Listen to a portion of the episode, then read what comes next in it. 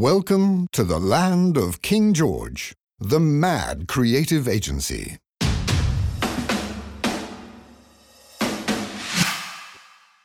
Welkom bij een nieuwe aflevering van King George Trend Talk.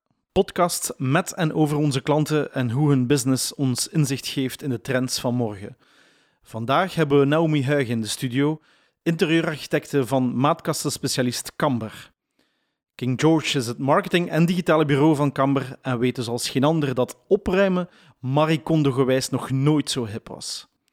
We hebben het met Naomi over hoe belangrijk een opgeruimd en ingedeeld huis is in ons drukke bestaan en hoe COVID-19 onze thuis voorgoed veranderd heeft.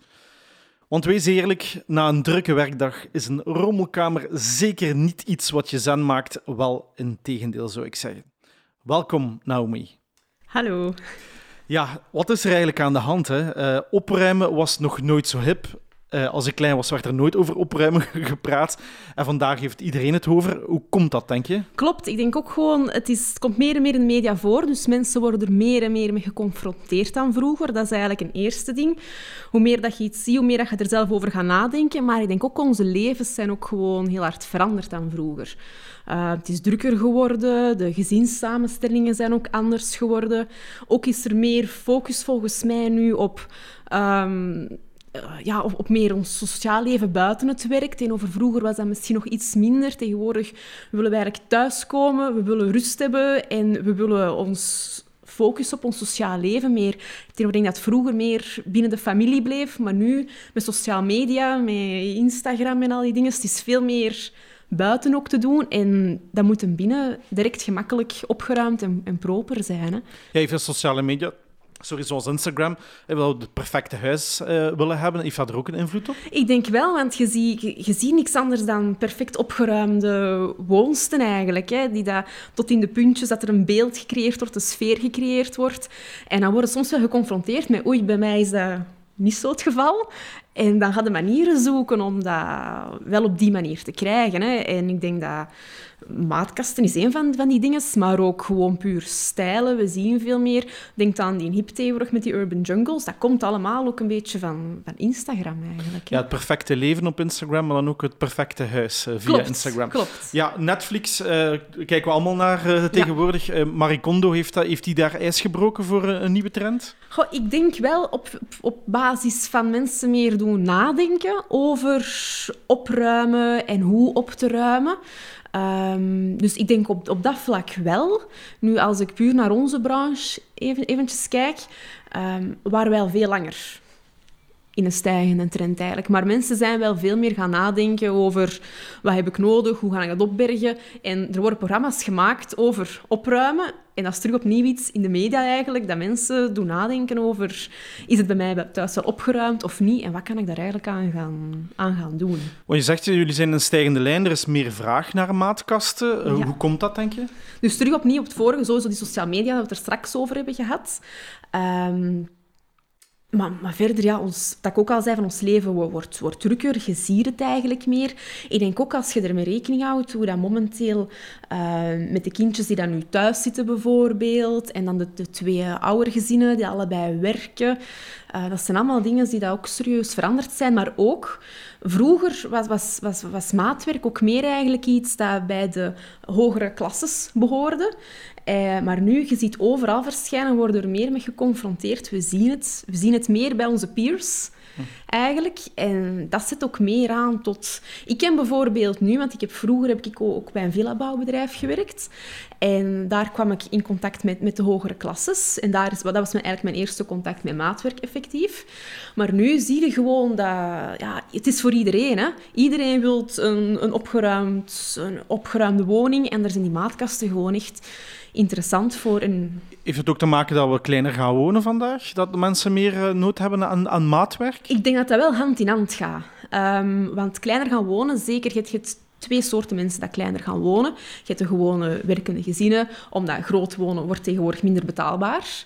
Maar je hebt ook eigenlijk de, uh, de 50, 60-plussers die van een groot huis gaan naar een, een kleiner appartement. Omwille van ja, het opgeruimd houden van groot huis wordt op een bepaalde leeftijd moeilijker. En in de beide gevallen, ehm, de, de oudere mensen bijvoorbeeld, hebben heel veel spullen van die villa of van dat groot huis dat ineens moeten geraken in, in een klein appartement. En daar zijn die maatkasten ideaal voor, want gaat van boven tot onder, elk klein hoekje kan je benutten.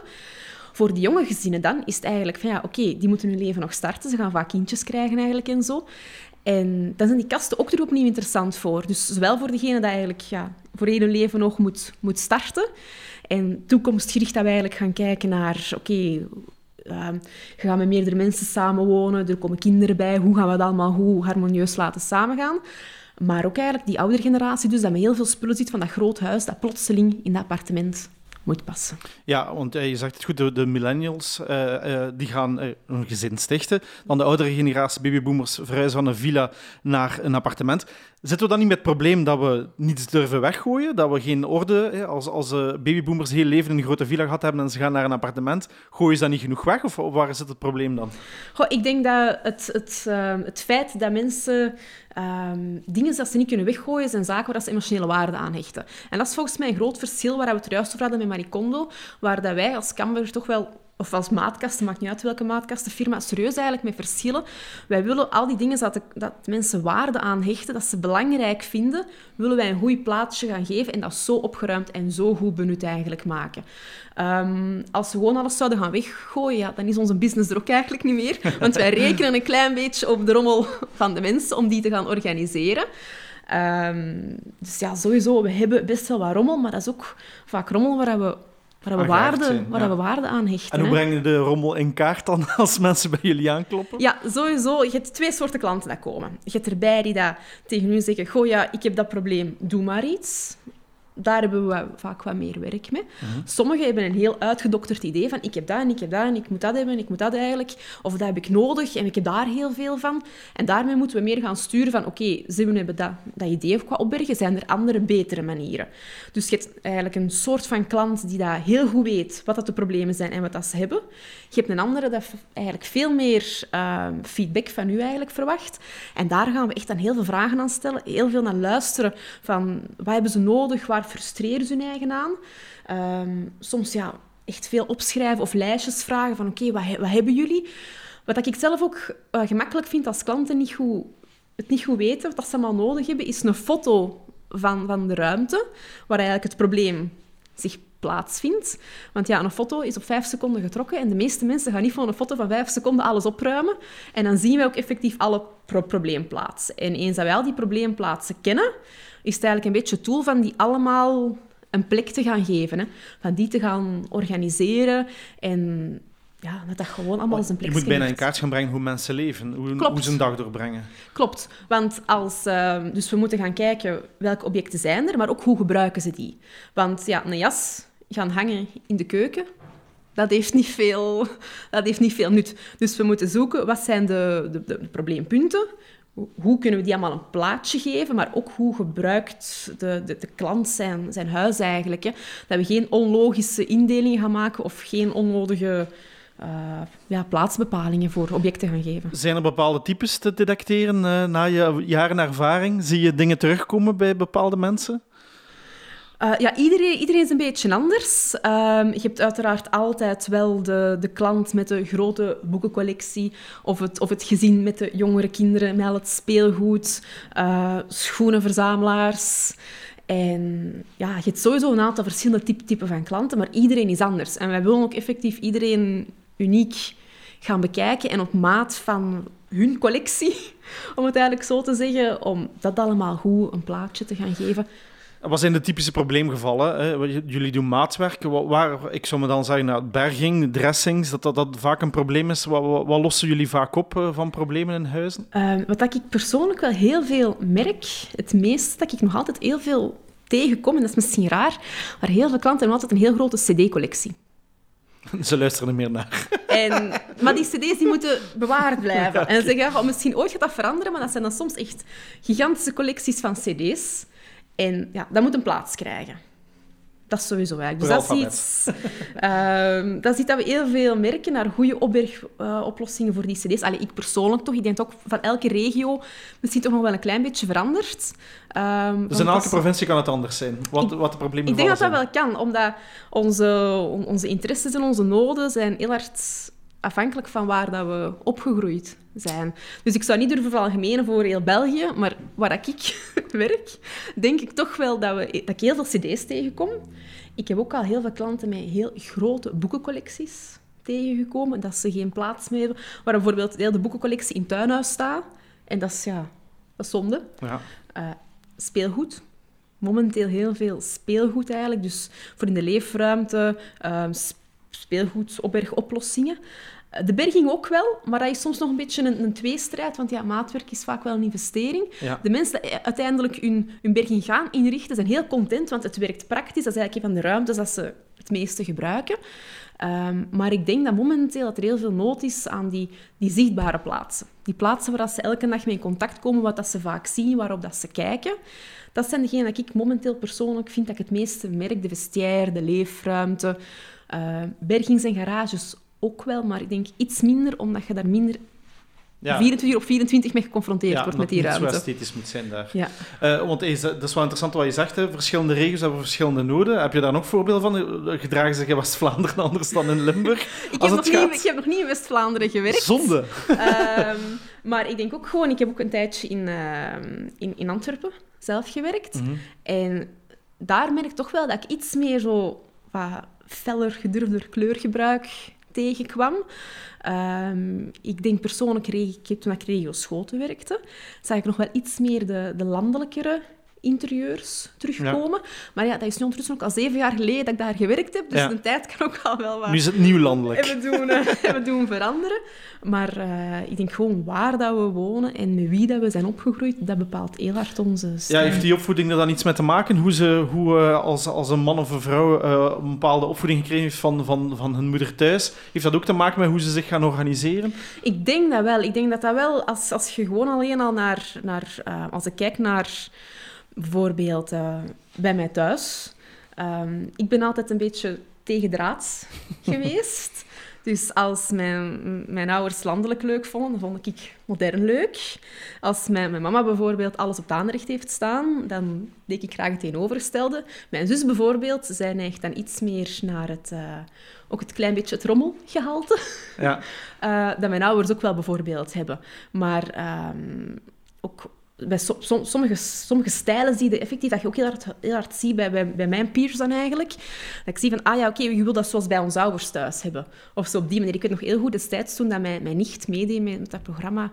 Wat was het nu weer al? Um, toen dat ze zo huizen gingen kopen, dat ze zo rond gingen, gingen gaan. Uh, ja, mijn huis of zoiets. Ja, en uh, in dat interview werd er eigenlijk gezegd van, ja, een huis zo'n beetje zoals hier. En ze waren toen aan het filmen eigenlijk in, de, ja, in het huis van, van mijn tante eigenlijk. Dus op die manier denk ik wel dat de meeste mensen, ik ben daar een atypisch geval in, de meeste mensen gaan een beetje naar hun ouders kijken, hoe dat zij dat gedaan hebben, welke stijl dat zij leuk, ja. leuk vinden. Um, dus en op Instagram. Op Instagram ook, ja. Zijn er bepaalde trends van materialen die, die je duidelijk nu ziet uh, komen? Uh, voor de, in de richting van maatkasten bijvoorbeeld? Ja, uh, momenteel merk ik toch wel dat de donkerkleuren terug een opmars hebben. En dat het allemaal terug een beetje cozier moet. Terug wat huiselijker, wat, wat warmer, wat gezelliger. Um, zwart zien we terug heel veel, want zwart is gezellig geworden. Zwart is niet meer dood, zwart is niet meer kil, maar is een heel knusse, knusse kleur geworden. De noodlaar is ook terug veel meer in opmars. is eigenlijk een beetje... We merken dat um, met hoeveelheid aanvraag in noodlaar dat stijgt, is het eigenlijk wat aan het minderen. De eik is nog niet weg, want dat is heel neutraal, dat gaat altijd blijven. Maar we werken wel dat die notelaar, dat die echt wel omhoog aan het gaan is. Terug opnieuw, het is warmer, het is wat luxueuzer. En ik denk gewoon dat we zeker ook nu, de dag van vandaag, dat we wel nood hebben aan wat, wat warmte. Ja, zeker. en wat knusser gevoel. Want het brengt ons uh, meteen naar het onderwerp COVID-19. Dus ja. het corona-jaar dat we nu inzitten. Uh, hoe heeft dat invloed gehad op de inrichting van ons huis, uh, vanuit jullie oogpunt? Ik denk... Um, dat we momenteel, wij hadden altijd een bepaald cliënteel. Dus mensen die sowieso op zoek waren naar maatwerk, oude klanten, mensen dat al kenden. Maar nu ook gewoon uh, een bepaald uh, cliënteel dat we nog niet eigenlijk hadden. Dat we nu wel mee in aanraking komen, omdat veel mensen nu ehm, geconfronteerd worden met, met kleine zaken die je vroeger niet stoorden en nu wel. Ik denk dat COVID heeft alles, alle problemen uitvergroot. Zowel binnen relaties bijvoorbeeld, want dat was op voorhand gezegd dat, dat ze dachten dat veel relaties wel onder corona een serieuze test gingen krijgen. Dat is ook Maar zo geweest, denk ik. Ik denk ons interieur ook. Ehm, Ja. Alles dat ons vroeger niet stoorde, stoort ons nu wel. Omdat we zitten daar soms 24 uur op 24 in. En anders konden we naar buiten gaan, je ging eens een keer op hotel, je ging eens een keer op restaurant. Maar nu, alles gebeurt. Het hotel is in je huis, het restaurant is in je huis. Dus je zit gewoon veel meer met die, met, met die conflicten ook. En ook, wat ik ook heel veel merk, is dat, ehm, dat maatwerk geeft mensen iets om naar uit te kijken. Gisteren had ik nog een klant bijvoorbeeld. En echt heel enthousiast van, oh maar ja, nu heb ik iets om naar uit te kijken. Ik zie er echt naar uit. Dus het geeft ook mensen terug iets om aan te werken, iets om naar uit te kijken en iets dat ze kunnen veranderen. Want Ja. verder momenteel, je kunt niet veel veranderen.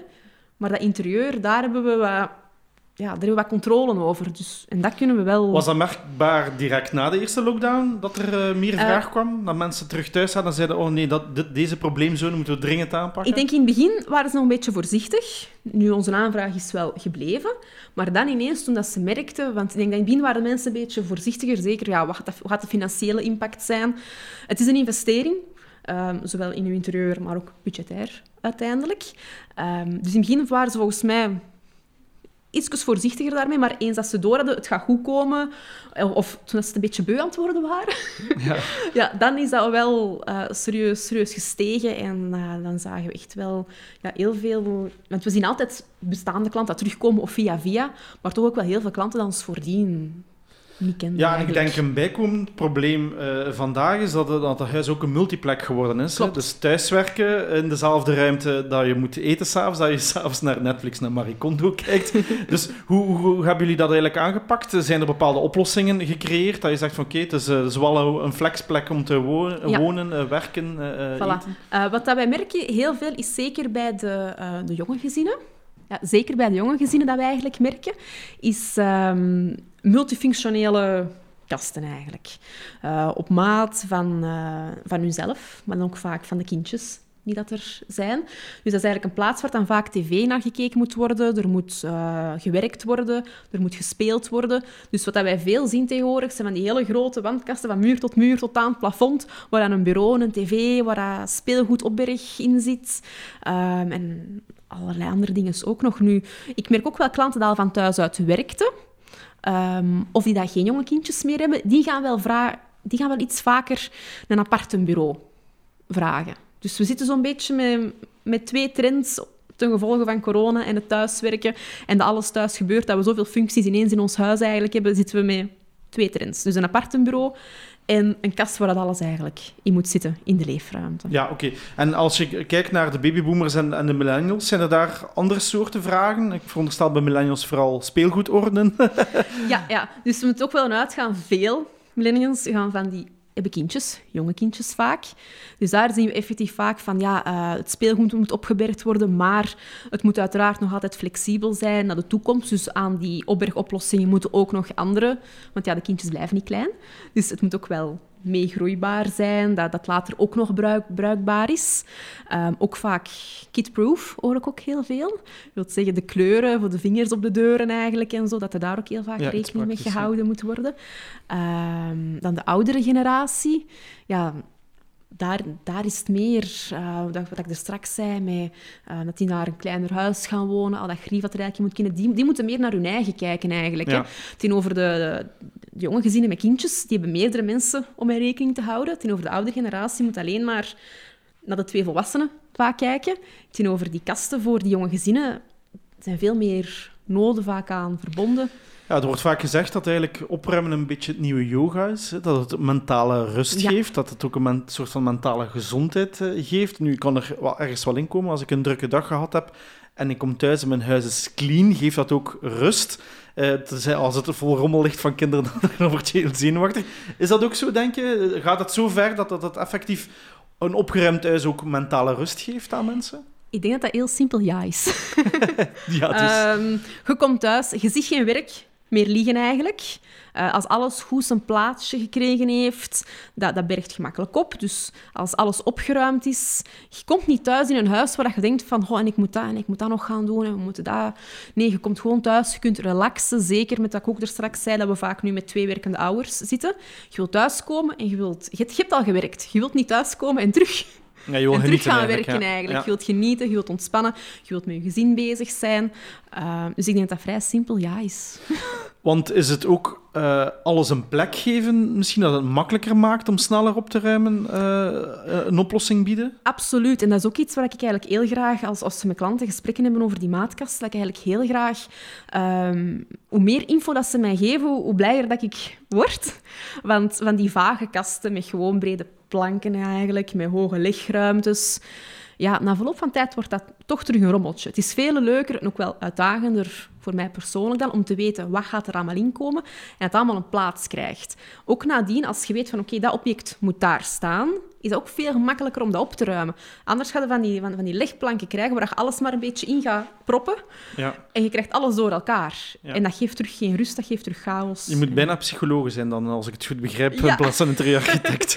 Ja, en soms is het ook een beetje bemiddelen, hè, want je zit met twee aparte karakters eh, vaak samen, die aparte wensen hebben. Dus af en toe zijn we inderdaad wel een beetje relatiebemiddelaar. ja, want man-vrouw, zijn daar, zijn daar andere wensen? Hoe een man eh, zich gaat ordenen in huis, of een vrouw zichzelf gaat ordenen in huis, die als koppel, maar ook denk vrijgezellen die alleen Ja. wonen?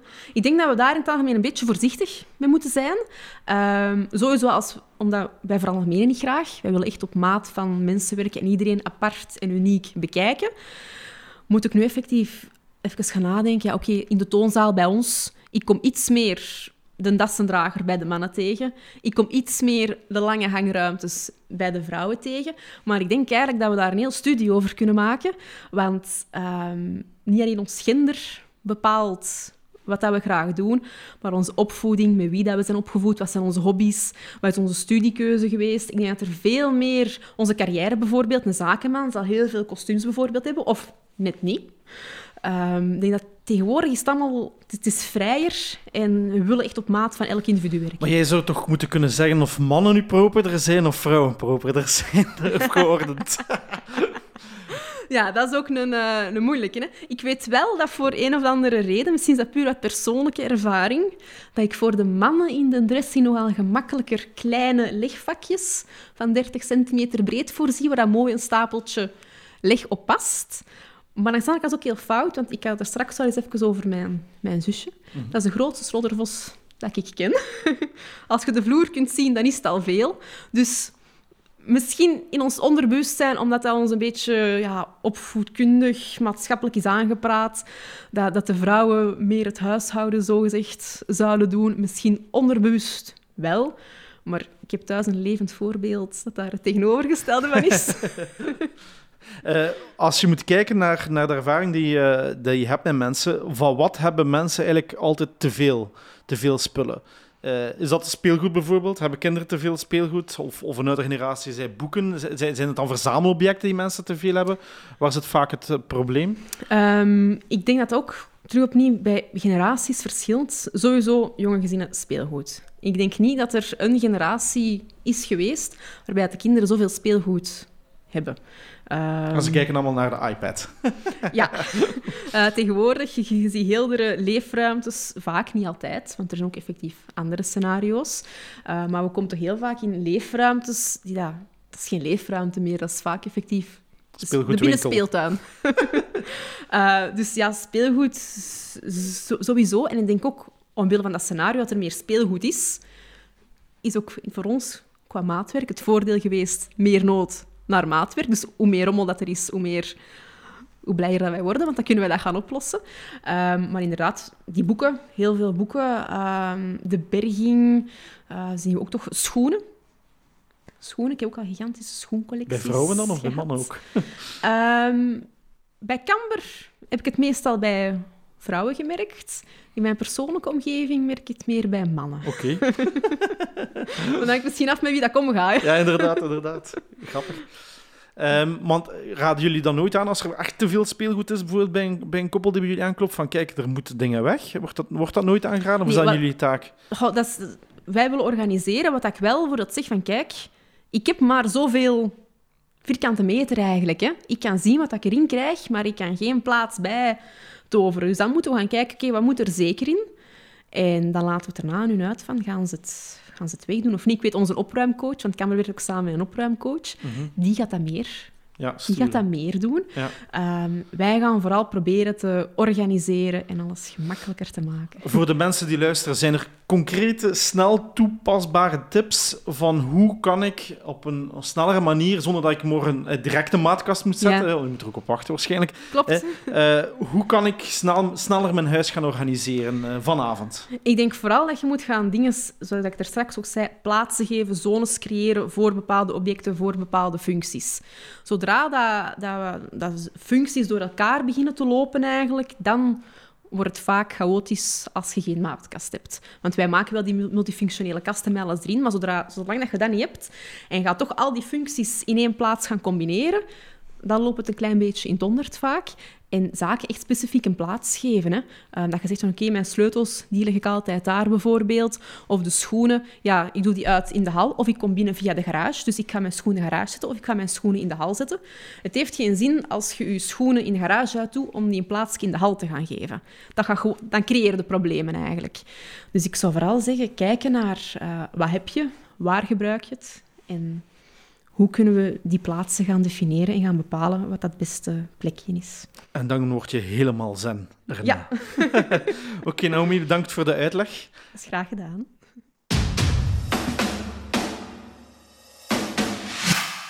King George, the mad creative agency.